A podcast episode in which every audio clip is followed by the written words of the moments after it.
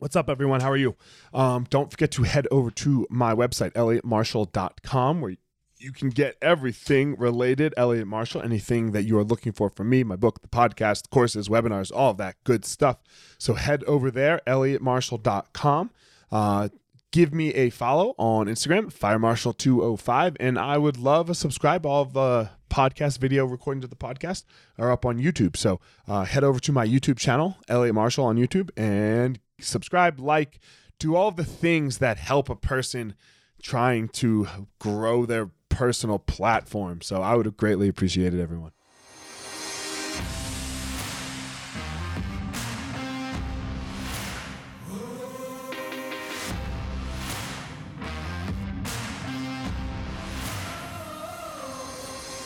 What's up, my ninjas? This is former UFC fighter Elliot Marshall, and this is the Gospel of Fire, where we are going to learn how to go into the fire so that we can find our power and live the best life possible.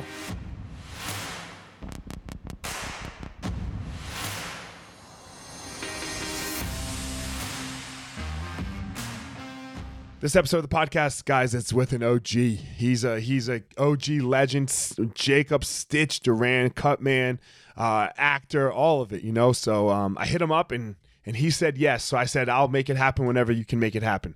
So uh, you know we jumped on. He was he had a little break before he had to go uh, train with Tyson Fury. So uh, I don't need to introduce him more than he is. You know who he is. The great, the powerful Stitch guys another episode of the gospel of fire and i got an og today baby what up stitch how you doing what's going on Elliot? good seeing you bro. You too man. How's how's how's it going out there in vegas? Hey man i tell you what bro i rolled the dice moving over here 26 years ago and it paid off. It's the only time i gamble but here i am. You moved to the city of gambling without gambling. I like it. Hey um, but hey let me see. I think in all the the fights I've worked with you and the shows we've been in together, this is the most I've heard you speak. You know, it was always you and Matt Brown that were the quiet ones, you know. Those are the guys I always had a lot of respect for because, man, you turn on the switch like that and you're the fire marshal. I, appreciate it, man. I appreciate it. You know, it's uh the fight game. Uh I always like to talk to the, to to to people like you in the fight game because like you've seen so many uh iterations of it boxing early mma late and later stage mma now where we are now plus back to boxing you know and um, you know everyone knows the podcast is called the gospel of fire and i was watching uh what was i watching i was watching the the kings on showtime have you seen that documentary about duran uh uh, uh sugar ray leonard hagler and hearns, and hearns yeah yeah. What an era. And what you know, I, I, used to work with Mike McCallum. Okay. Uh, one of the guys that that uh, I work with here, but he was a guy that was trained by Emanuel Steward, and these guys didn't want to fight because Mike was the body snatcher. And, okay. and and I told Mike just the other day in the gym, I said, you know, Mike, as a trainer, I learned so much off of you on natural skills, and Johnny Tapia off of building setting up uh, techniques. Okay. And, uh, Mike McCallum was just he was they didn't need him. Yeah, and one of the one of the things that that that you know, I think he was on that documentary. I'm not sure. I think like they mentioned him.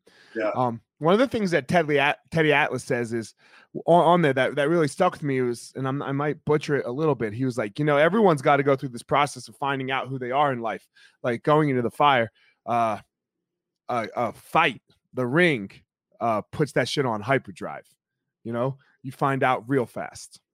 Yeah, you know, and and you're absolutely right. That's why I have so much respect for you guys as as fighters, win or lose. That's not even the thing. Kevin Kelley uh, is a great boxer. I remember he said a quote, and I'll never forget. He says, "When fighters fight, their souls touch." And you know, somebody like you, you know, you could verify that. You know, that's uh, yeah, that's crossing the line and getting into the fire. I mean, a lot of respect for you guys. So how did this start for you? Like where did you know where did where did your journey in the fight game begin? You know, I, I, I Elliot, I got a great story, man. I got a great storyline, and and uh, I've written a book uh, called "From the Fields to the Garden." I grew up as a farm worker, literally in the Central Valley of California, which is uh, the agricultural capital of the world. So I was born and raised in a migrant camp. I mean, my address is uh, CPC number 12, California Packing Company. So I grew up under those conditions all my life, right? Uh, but baseball was what we played.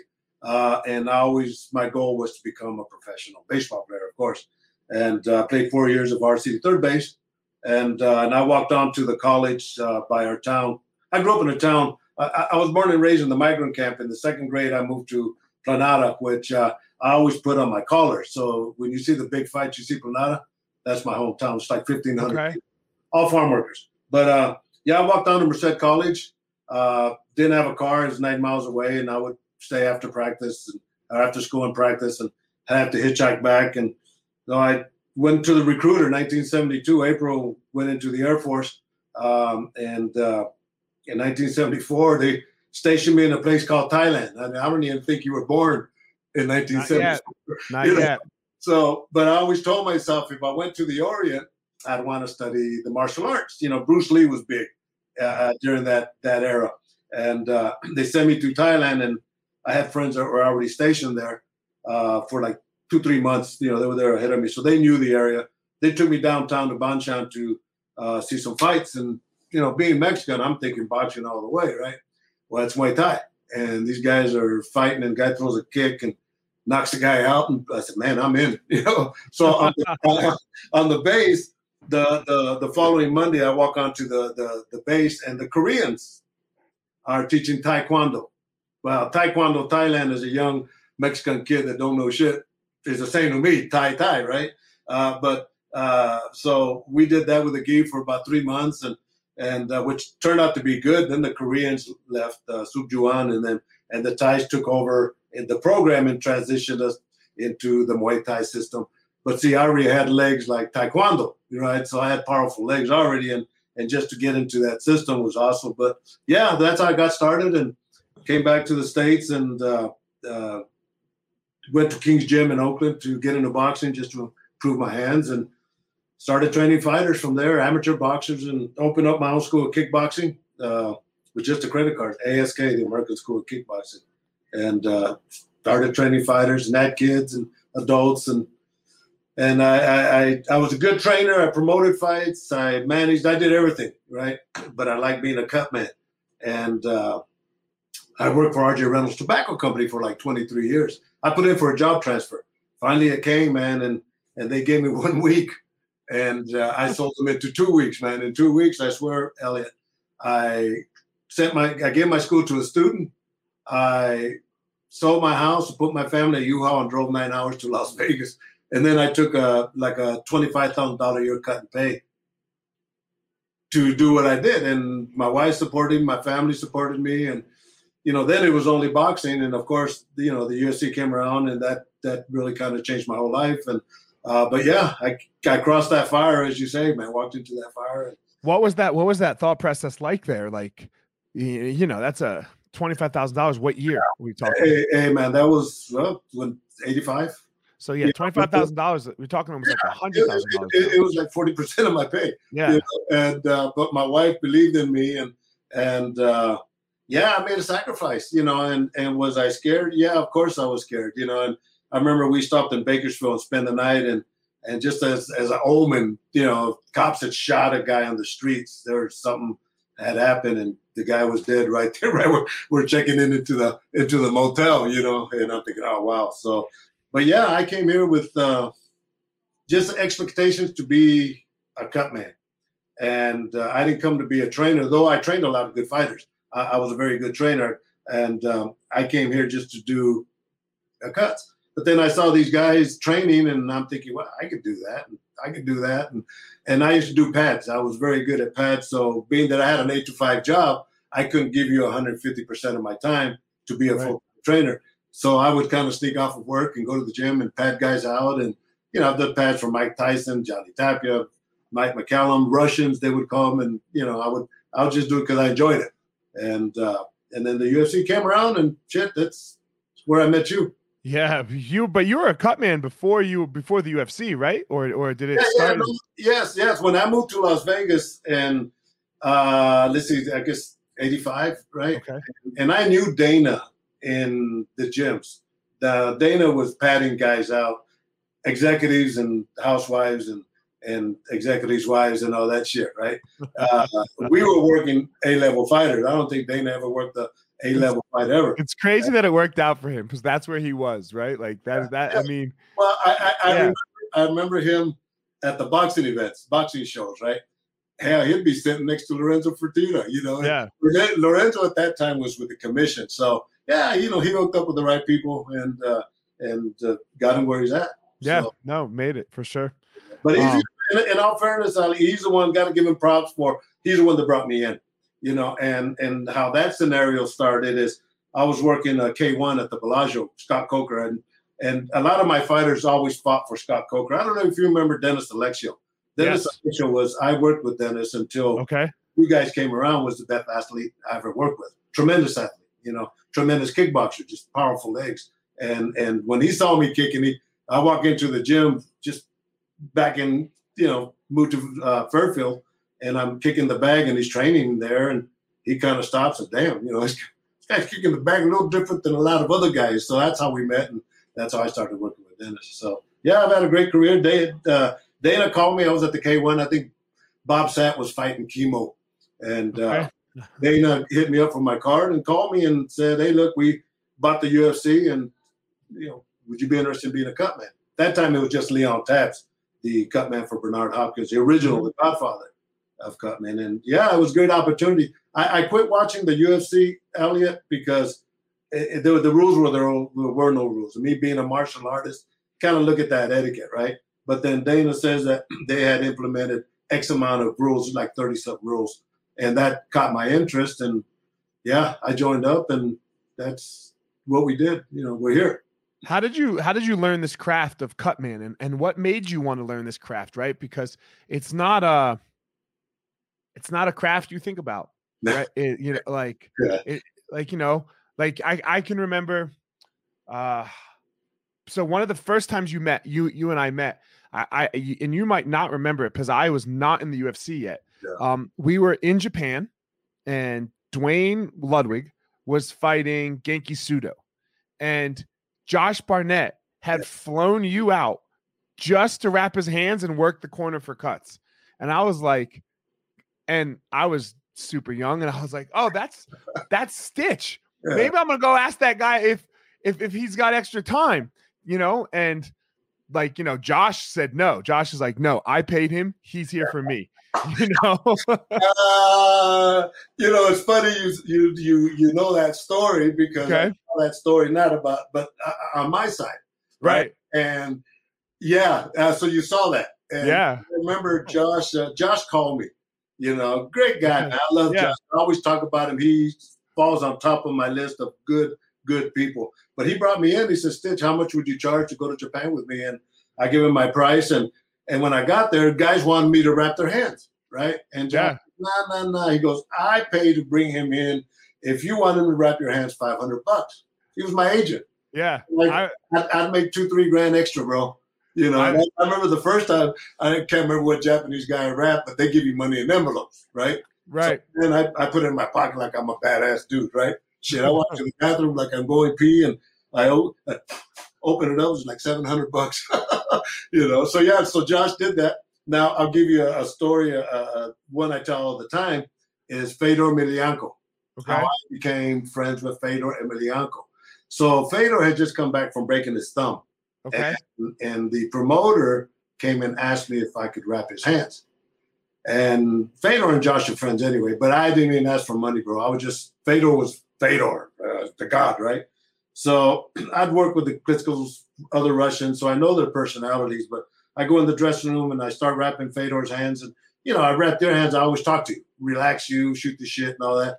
Fedor saying yes, no, yeah, no. So I understand. You know, finally I finish wrapping his hands, and and I say, okay, Fedor, how do they feel? He goes,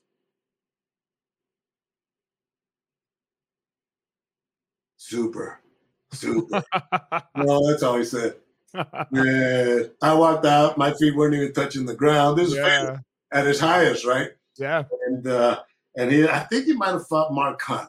And anyway, Josh and I are walking back towards on the hallway towards the bus, and he had just won. So he calls us in, and uh, Placebo. You know, we have shots of vodka, man, with Fedor.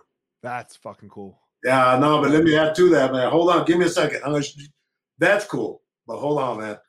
All right, Elliot. uh, You, you know, when, when I work with you guys, there's certain relationships. I tell people now, it's not about the world title fights no more. I've done hundreds and hundreds. It's about the characters that I work. With. So with that episode with Fedor, I, I did his brother Alexander. You know, the, the gangster wrapped his hands in affliction, and, and he would they would ask for me, right? So I knew I had their respect, and and when you get the Russians' respect, you're a pretty bad dude, you know. Sure. So you know, every time you fought, I always wrapped his hands and and what have you not. And uh, so the last show I did with Bellator, I it was in San Jose. I get to the uh, to the hotel. I get off the cab and I walk into the lobby, and Fedor's there with his people, and he comes up to me, bro, and he gives me a hug. You know, he says, "Hey, I have. I have sweats for you." I said, "No shit." You know, to send a guy up there, but look, I got to show you, man, bro. Oh, that's fucking cool. Look, look. How many guys you know have? Look at this. Oh, damn. That's Look. hot. That's it's, it's hot, bro. Yeah. Look at this. Oh, oh, let me see here. The official official Fedor outfit, man. That's really cool. That's sick.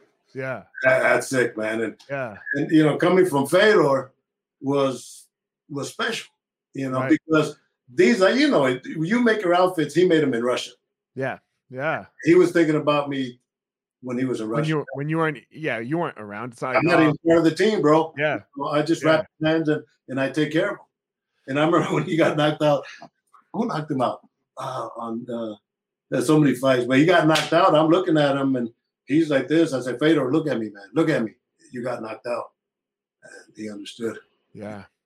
And, uh, What's you're one of uh I'm gonna ask the question I asked a second ago, but you you brought this up. So when when somebody does lose, you're one of the first people in there, Yeah. right? It's it's like you and the doctor, and depending on the corner you're working. Um, what's that what's that like for you from from your experience when when you gotta break that to somebody that uh you know you're you know you're holding their head or sitting them up whatever it is you know what's what's that like for you on the on the cut man side because uh god fighting is so intense and it's i don't care who you are if you're sitting ringside and you're you're in this fight it's intense yeah, yeah. you know, it, it's a pleasure talking to you because I think you're the only real fighter I've spoken to in interviews. okay So, so, but one of the things that I take so much pleasure in is getting into your heart and soul. See, that's one of the things that you guys open up for me, and and all this. So, psychology for me is big. It's it's it's big for me and it's big for you. I understand Oh, that, and and like I tell the current fighters now, but I've always did it. But Lyoto Machida explained it when he fought Rashad Evans for the world title. okay I, I, I knew Lyoto from Japan. I'd wrap his hands in Japan with Josh and all that. So we had that history. So I would always take care of Lyoto here. But you remember his father, very proud, Yeah. Japanese, very, very proud. And uh, he beats Rashad, and I go in the dressing room and I want to congratulate. And I say, you know, Lyoto, congratulations, you know, so and so. He says in front of his father, Stitch, in the ring, you are my father. And, you know, that kind of hit home because I think that's the way I am. In fact, I am with you guys. Whether you're a four rounder, whether it's a championship fight, I'm going to take care of you like you're my son. And that's what I let people know. So, in the boxing aspect, Vladimir Klitschko, all right, see how we get into your minds. I got stories with all these guys, you know. Uh, but Klitschko, when he fought Anthony Joshua, his last fight, 90,000 people, Wembley Stadium. I see him at the weigh ins because my daughter had got married in Crete Wednesday, and I flew to London Thursday night and then saw him at the weigh-ins Friday. But I put my hand on his shoulder based on what Lyoto had told me. I said, look, Vladimir, don't worry about nothing. I'm going to take care of you like you're my son. And I leave, right? Man, here I'm putting the Vaseline on him right before Michael Buffer does the announcements. And we're this far apart, man. And he says, I don't know where. You could call me son. And bro, you know what that means. I mean, it, it- to have gotten into his mind, you've been there. You would understand what that feels like. well you want no one around you Yeah. that is that isn't uh when you're fighting you, you don't want any you don't you, like you don't want no bullshit around you you you you can't handle drama you can't handle Right. uh the the the pettiness sometimes of even even your own life, right? Like all of our lives can be so petty.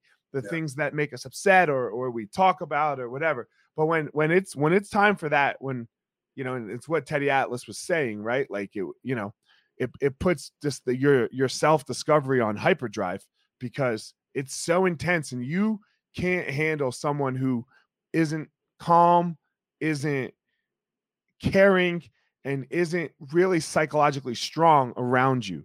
So I, I think that's where I don't know from my perspective, that's how I always saw it was like I, I don't want some newcomer who's gonna come in here and fucking talk to me about like I'm scared of shit right now. We're all scared of shit. Yes, So, yes. Yeah. I, I, I understand that, and that's a great analogy. That's why it's it's good talking to you.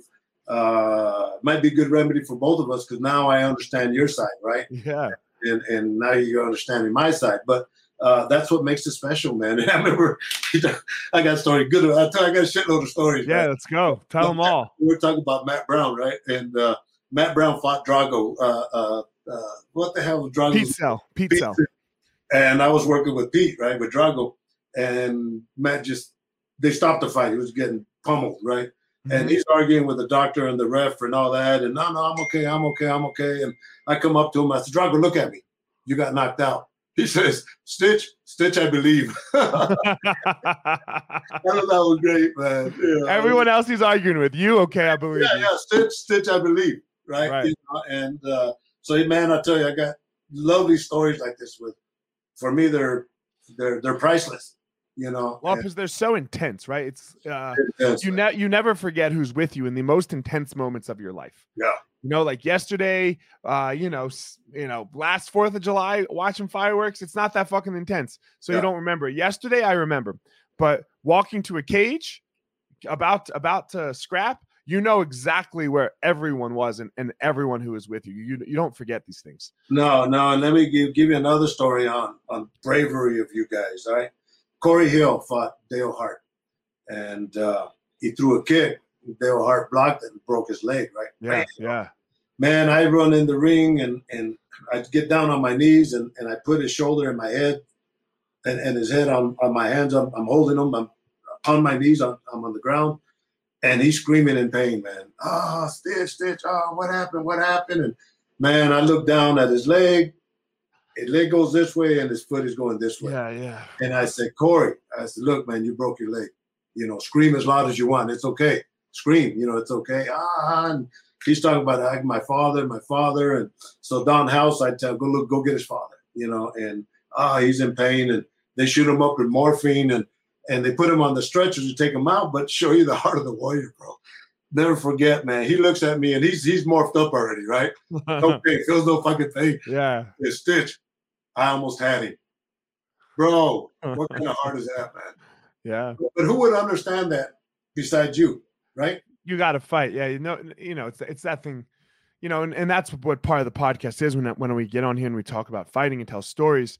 Is it's like eh, eh, you know relating it to the normal everyday average person, so that because we're all fighting something, Yes. right? Like every everyone's got to fight today. Um, some of us, it's you know getting out of bed, and and so hearing stories of other people overcoming, it, it's one of the most uh, tried and true ways to inspire other people. You know. Yeah. So I asked it earlier and, and I got sidetracked, but I want, but I, I'm gonna ask it again here. How did how did Cutman hand wrapper be, become a thing? Right? Like, how did you go? Yeah, I'm I'm gonna get good at this. And what was that process like of getting good at dealing with cuts? You know, because there's a skill to it. This is a fucking art, Yes. and and so is wrapping hands. It's an art. So to the point where you know, I don't know, you got people flying you around the world, and and you you know, seven hundred bucks to wrap someone's hands. So, right, like yeah. I mean, it takes twenty minutes. So, Right, right, uh, yeah, Hey man, that's right. You know, I, got, I got some money. I got five right, guys I can wrap because I do yeah, it in a UFC fight. I would do it anyway. right, So I was I was accustomed to wrapping hands. right. And, uh, but So yeah, what was that process like? How did you? How did this become a thing for Stitch?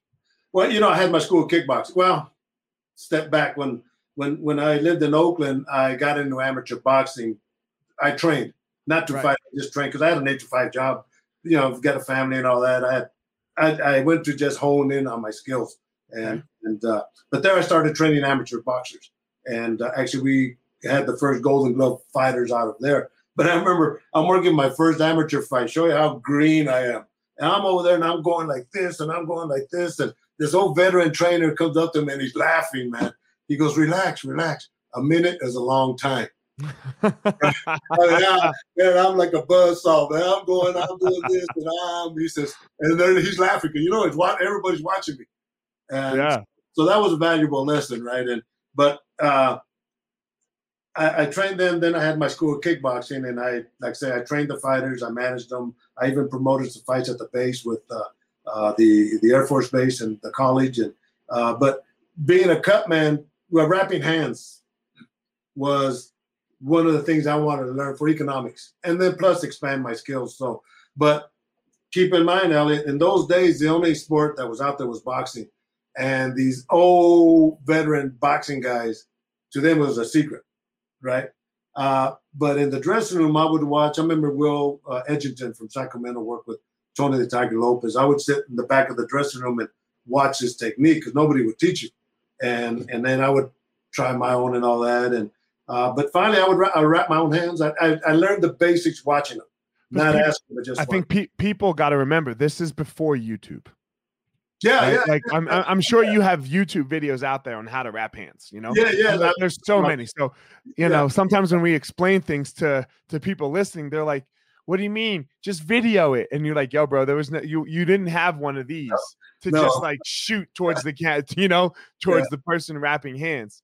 Yeah, that's, that's a good point. I, I did it through observation, the technique. Right. So I would I would wrap my own hands and, and and get on the bag and punch and and go through all that. And some were too tight, too loose. And I learned how to work. So I learned how to work wrap hands and in kickboxing, right? And mm-hmm. I worked with Javier Mendez with uh, when he was a fighter, worked with him and you know other guys, and uh, but then working cuts because I had kickboxers, uh, and then we went international. I had fighters who went international, and but cuts were, you know, they were going to happen. Elbows, knees, yes, of course. But but once again, I had to learn by watching, like everybody else right? Whether it was right or wrong. Well, anyway, I remember I went to a boxing event. Bone Crusher Smith fought Marvis Frazier, uh, Joe Frazier's son, Richmond, California, and it was boxing, right?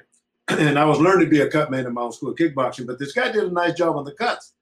And I went over there and asked him, I said, look, you know, I'm trying to learn to be a cut man. Can you tell me what you did? He says, fuck you. I'm taking this to my grave and you got to learn like me. And he walked away. And man, I felt about this big, Elliot and I said, you know what? That's that was cold, bro. You know, so I, I, had to learn on my own. Yeah, literally. So now I go back to open with Andre Ward when he was the world champ, and you know I tell this story hundreds of times, but I've never thrown his name out.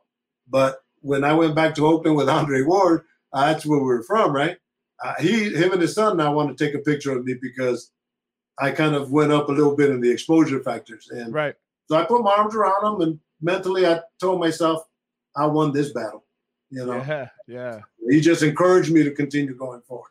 You used that adversity as yes, uh, it didn't happen. You know, I actually I put out these little short hitters, these little motivational things, and, and the the one today was nothing happens to you, everything happens for you. And, yeah. and, if you can have that mindset, you actually have a chance of making it. You know. Yeah. And you know, one one one big drive for me as a motivation mentally is I grew up as a farm worker. So I mean, I picked peaches, tomatoes, cotton, apricots, everything. What I did all my life, right? So we, our family, have always told ourselves if we screw up, we could always go and pick tomatoes, peaches, cotton, and all that shit.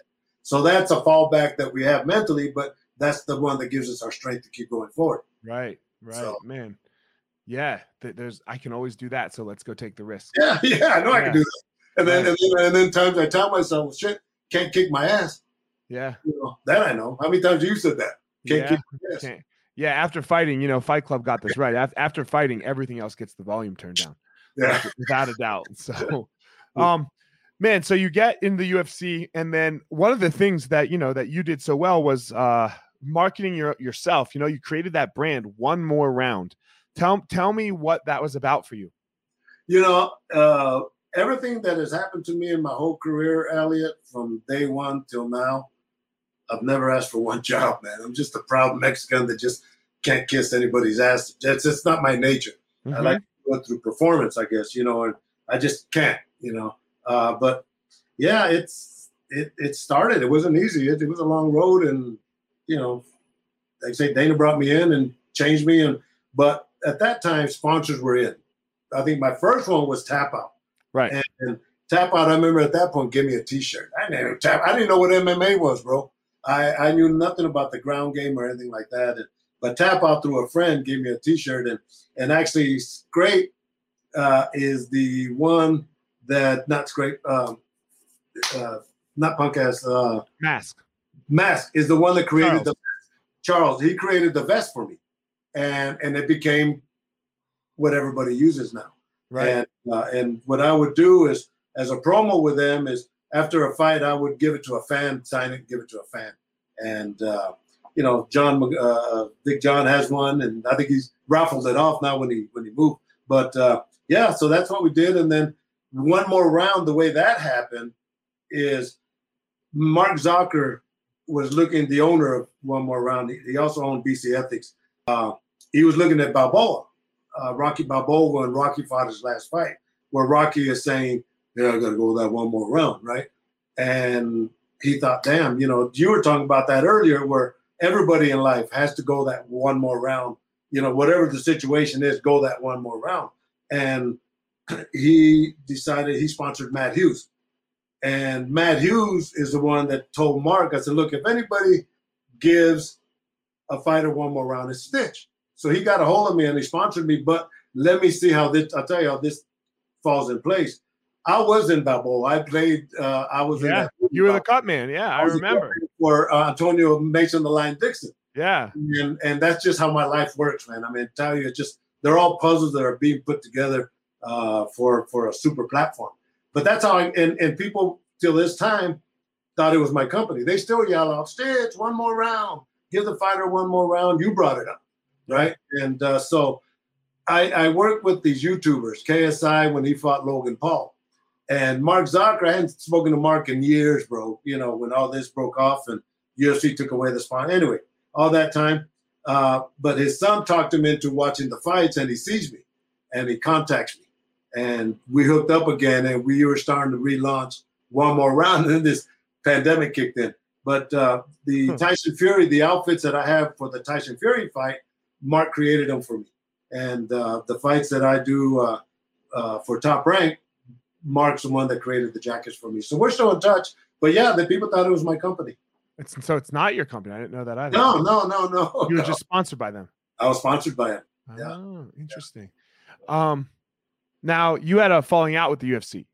You know, uh, what?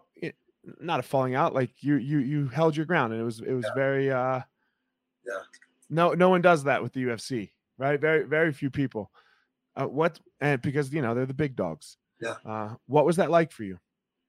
Uh, it was it was uh pretty positive, bro. I, am telling you, you know, uh, we'll talk friends yes. friends, fighters that I've worked with, you know, know your heart and all that. But um, you know, I, I I I used to work on sponsors. I needed the UFC. That what the UFC was paying us was nothing compared to what we get at boxing. They understood that. Right. But I needed the UFC to make my money through sponsors, right? So I took it you know, but every time I would get a sponsored science, bad boy, tap out, one more round, all these companies would come to me. I would negotiate for myself, being that I had the experience working with RJ Reynolds Tobacco Company. So I had that corporate experience to negotiate for myself. And at this point, I'm my own agent, so right. to speak. Okay. But I would I would negotiate for myself, and then I would, well, how about House and, and Leon? You know, let's put the patch, let's get the billboard effect, and let's put the patches on them, and don't pay them what you pay me, but you know, Leon bought a Cadillac, bro. and uh, so, so that's what I did. And then, uh, you know, then they took the sponsors away. Of course, everybody knew that, right?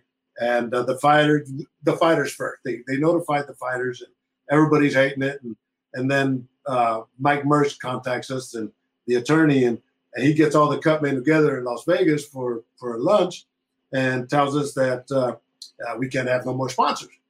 Uh, so you know we're all you know. So I try to negotiate. All right, how about an increase in pay, some compensation, and well, there's no money in the kitty. It's all right. So I went home, and and that was like in November, I think, when they did or something like that. But I at that point I already told myself I can't stay with them. Uh, I can't economically; it doesn't make sense for me. So I can already have that in my mind a little bit, uh, Elliot. But then all this stuff is going on with John Nash from Bloody Elbow calls and, and asked me if I'd be interested in doing an interview uh, how the Reebok deal affected the Cutman. So going back to when I was a farm worker, my parents fought for the rights with Cesar Chavez. Cesar Chavez is our Martin Luther King. He's the one that fought for our rights for fair practices and fair pay. So right. my parents were in that movement and all that. And I thought about it and I said, you know what? It's kind of like the same scenario. If I don't speak up for what's right, they wouldn't be proud of me. So being that I worked with RJ Reynolds, I knew how to be corporate correct.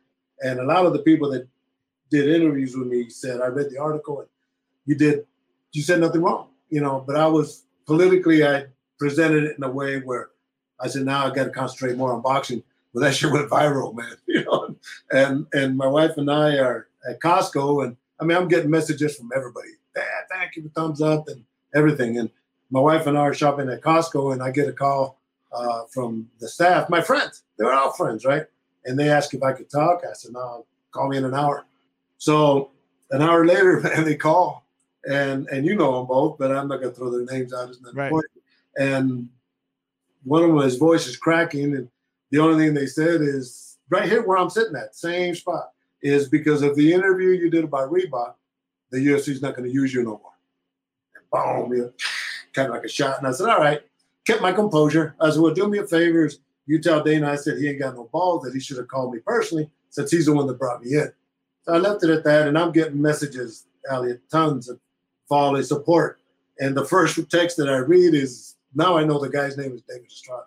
I respond back to him. I said, look, I want you to be the first to know. UFC let me go for speaking out about the Reebok deal. I got to find a new job. And man, that shit blew up. That went viral.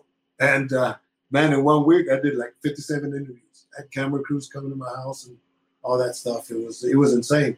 There was a uh, Robbie LeBlanc uh, had a friend of mine as Motivational Monday that he does on Facebook, and I'm sitting right here and I'm looking at and his thing a Motivational Monday for that day. He says, uh, a friend of mine, a good friend of mine, Stitch Duran, spoke up for what was right and all that and lost his job uh, with the UFC and all that. So he started going into that. Bro, I started crying. And just that, all that energy, that support, that love that I got was uh, overwhelming.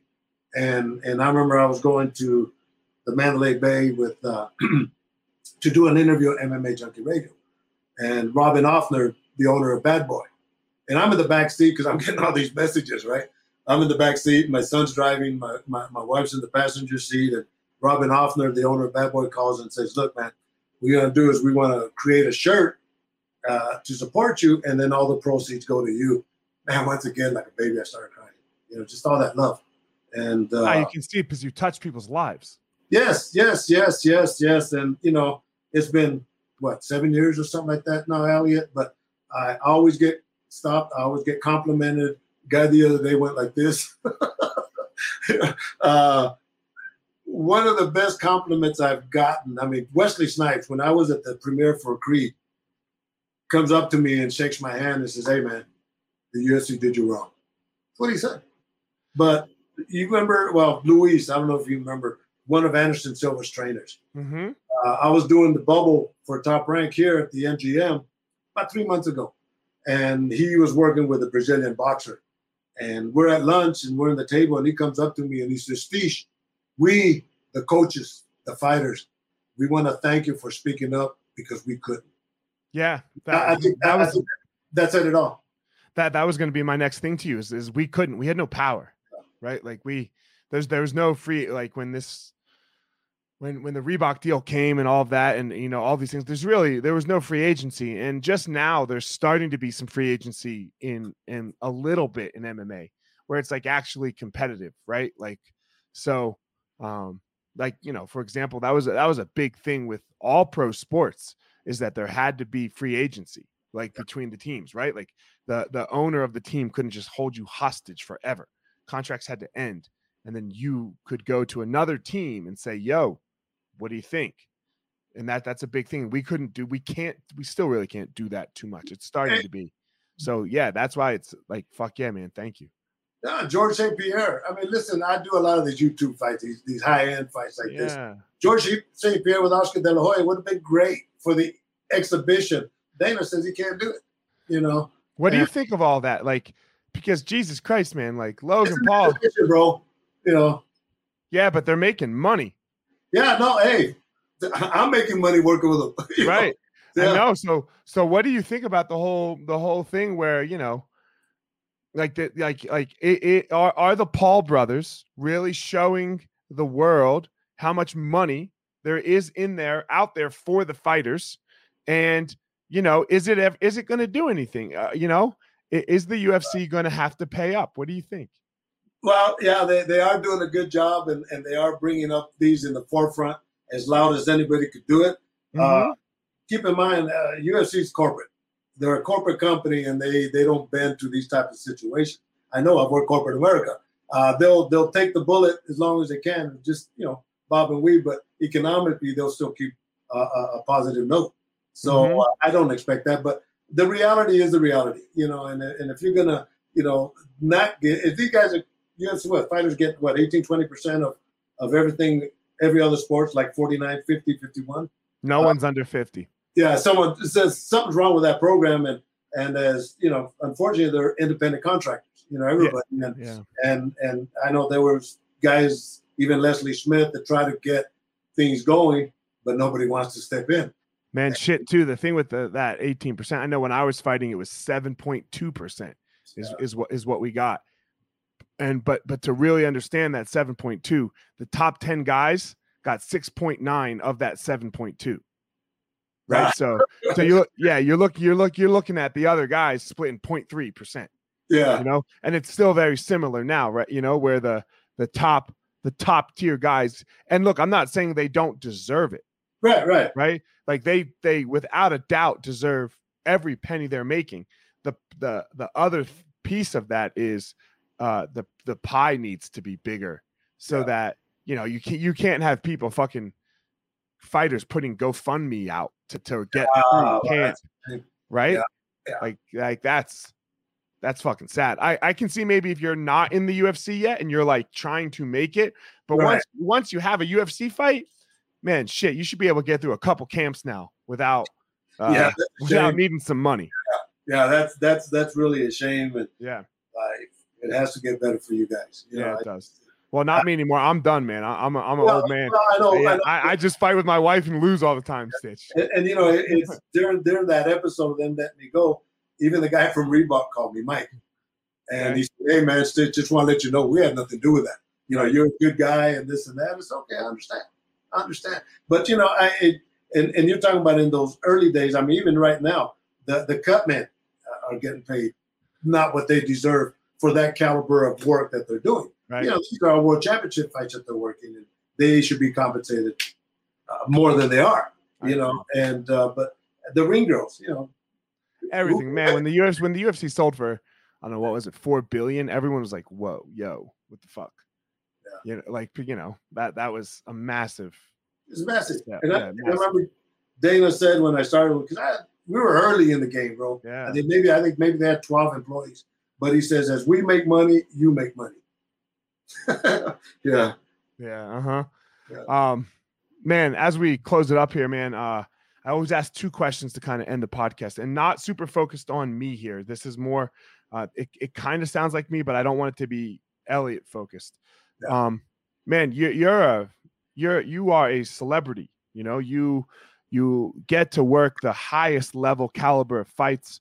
You know, you get to work with world champions like, you know, you're working with Andre Ward, you're working with the Klitschko brothers, you're working with, you know, Tyson I think Fury. Tyson Fury right now, right? You're like, yo, I can do, and you said to me, look, I can do the podcast as long as Tyson doesn't have to spar at that at that time. And like, man, I was like, damn, man, that's fucking cool. So, but why even bother with like uh, you gave me a lot of compliments, like you know, but I'm not that level, and I never was that level, right? I'm just, I'm just, I was like a middle of the road fighter that you know, very few people, you know. Why bother to come on this podcast? It's not really going to do anything for you. right? Like it's not gonna it's not gonna build your brand or or do anything. I, I like to hear like the reason behind people who are above me in you know in in stature, let's say, and and and uh, touch of the world, like their platform. Why do they go on lower platforms to? to help out? That's that's it's kind of not not even giving you the compliment that you deserve when you put them in lower platforms. But I know what you're saying. Yeah, I get more TV time than you. Bottom line. Yeah, yeah, I for sure. Of movies, bottom line. You know, I got all that shit. Hey, listen, I'm, I'm blessed. I, am telling you. But you know, when when when Elliot, the, the, when you got a hold of me, of course, it's more. You know, I get BJ Penn said it best. It's talking stories. Yeah. And and to me, talking stories is one thing, but but to talk to a guy that's actually been in the fire, you and I've been there with you you know, yeah. um, like I say, I for me, I talk about the heart and soul of the fighters, but usually I can't tell it to the or the fighters don't give me. You see that relationship, so I get yeah. to get information from you that I haven't gotten, but I knew that I knew that it was coming. I, sure. I knew I know what your feelings are whenever somebody like me works on you because you know we're not there to bullshit you. You know we're there to take care of you. So I get to hear that from you, and and uh, that's why you should never declassify yourself in, in status. Listen, you got a podcast, I don't. So what? you know? No, no, I, I, I totally understand what you're saying, but you know, you, some people, you know, there, there are people in the world like, ah, you know, that can't, that doesn't help my platform. So it doesn't do anything for me. So, uh, all right, you know, uh, if, nah. Joe, if Joe Rogan calls, then okay, I'm going on Rogan. Yeah. But you know, you know, stuff like that. Nah, you know what? It, you know what it does for me? That energy that I need to go on from today on, just pump me up, bro. I appreciate you know, it, man. That's that's that's what that is. That's that's what I get off on. I, I get off like saying not the fights are gonna happen. It's, I've been blessed. Movies with with or without us, right? They're gonna yeah, happen with or without us. Yeah, exactly. You know, movies are gonna happen and all that, but what do I do in between? You know, well, shoot, let me talk to somebody that's been in the trenches. You know, I uh, I, I I done armed forces entertainment tours with uh, UFC fighters with MMA junkie Georgian mm-hmm. goals, and uh, but I went to Afghanistan and and just to see these guys in the trenches, right in the bush, and you know these guys are the true life gladiators that give up their lives. You guys are true life gladiators that do it for a sport, but but your life depends on it. Right. So so that respect factor that I see with both you guys uh, as gladiators, you guys are modern day gladiators, bro. Well, we appreciate it, man. Um, the last question I'd like to ask I believe everyone has a unique power in the world, something in the world that makes them them, right? That they go and they, and they give it to the world. They do it not even necessarily for money, you know, they do it because it's who they are. What is your power? What is what is that thing that makes Stitch Stitch? You know, I, I think I respect everybody at the same level uh, because, you know, I never forget where I come from. Like I say, I have Planada in my hometown. That's not so the world can know what Planada is for the 1,500 people of Planada to know I'm there to support them. And they're all farm workers, right? But uh, uh, just showing respect to people, man, and being honest with them. And, you know, uh, in closing, I'll give you a story why I'll just support what I do, why I know it's the right thing. Is before I, I've been in Vegas 26 years, before I came here, I came here for boxing. Don King had a show, and I had a fighter on there. But my three brothers were here, and we went to the after fight party, and we're talking. You remember Randall Cunningham? Oh yeah, Philly quarterback yeah. for Philadelphia Eagles, baby yes, number yes, seven, yes. number twelve. Sorry, yeah. All right, yeah. So, so me and my three brothers, I'm still Jacob, bro. I'm not, I'm not even Stitch, you know. I'm right. still Jacob, and we're talking to Randall Cunningham, and one of Don King's guys comes up to him and taps him and says, "Hey, man, I need to talk to you." He says, "Hold on, let me finish talking to these guys, bro. I never felt so important in my whole life, man, and and, and that's the energy I want to project." Now he's he's a he's a, a, a pastor here in Las Vegas. He has a church and everything. I've never met him, but when I tell him I meet him, I'm going to relay that story that he just reinforced that that's the way we should live with everybody. Hell yeah, there ain't nobody different, right? Like like like you were saying, platform, no platform. You know, ten yeah. million, ten million dollars or or ten dollars. Eh, you, you know, and and it's all. I guess, like in my position, I just fact, George and Goze when we went to uh, Afghanistan, uh, General Frost, we had met. Well, he was in town last week, so I went over there and met with him. Well, this guy, I wrapped his hands in front of the big assembly, right? And he's uh, he's just cocky shit, you know, big big old ass guy. I wrapped his hands, bro, and his chest got this much bigger. You know, because he he got as close to being a fighter by wrapping his hands. He ended up sending me an eight by ten autograph picture, bro. So yeah. so you know that's what I'm saying. That's what you guys. Everybody wants to be you, but not everybody can. Yeah, it's a. Everybody thinks they want to be us until until it's time to fucking make the walk. Yeah. You know. So, guys, uh, man, you know who he is. Stitch Duran. Go go go find him. He's everywhere. You see him everywhere. Uh, I want to say thank you for coming on, Stitch. You know, I know you're a busy dude. You know, you're, you're gonna go deal with the champ right now, Tyson Fury. Um, and uh, man, thank you so much. Thanks for coming on. Thanks for sharing the stories. Thanks for letting everyone peek into your world a little bit and what it, and what that behind the scenes is like. So, um, as always, everyone, don't go out in the world and try to be Stitch. Stitch has his unique power, the thing that makes him him. And I got my unique power, that thing that makes me me. It's cool. Everyone has that power. Go out there and find your power. All right, everyone, thanks for listening to this episode of The Gospel of Fire. If you enjoyed the episode, I'd love a review on iTunes or wherever you are listening to this podcast. Don't forget to follow me on social media at Fire Marshal 205 if you are a BJJ enthusiast, check out my YouTube channel. I put all kinds of instructional DVD uh, videos out on there, so go check it out. My book is still out on Amazon by the same name as the podcast, The Gospel of Fire. So if you are interested, go check out that. And most importantly, guys, go out there every day, find your power. Thanks a lot.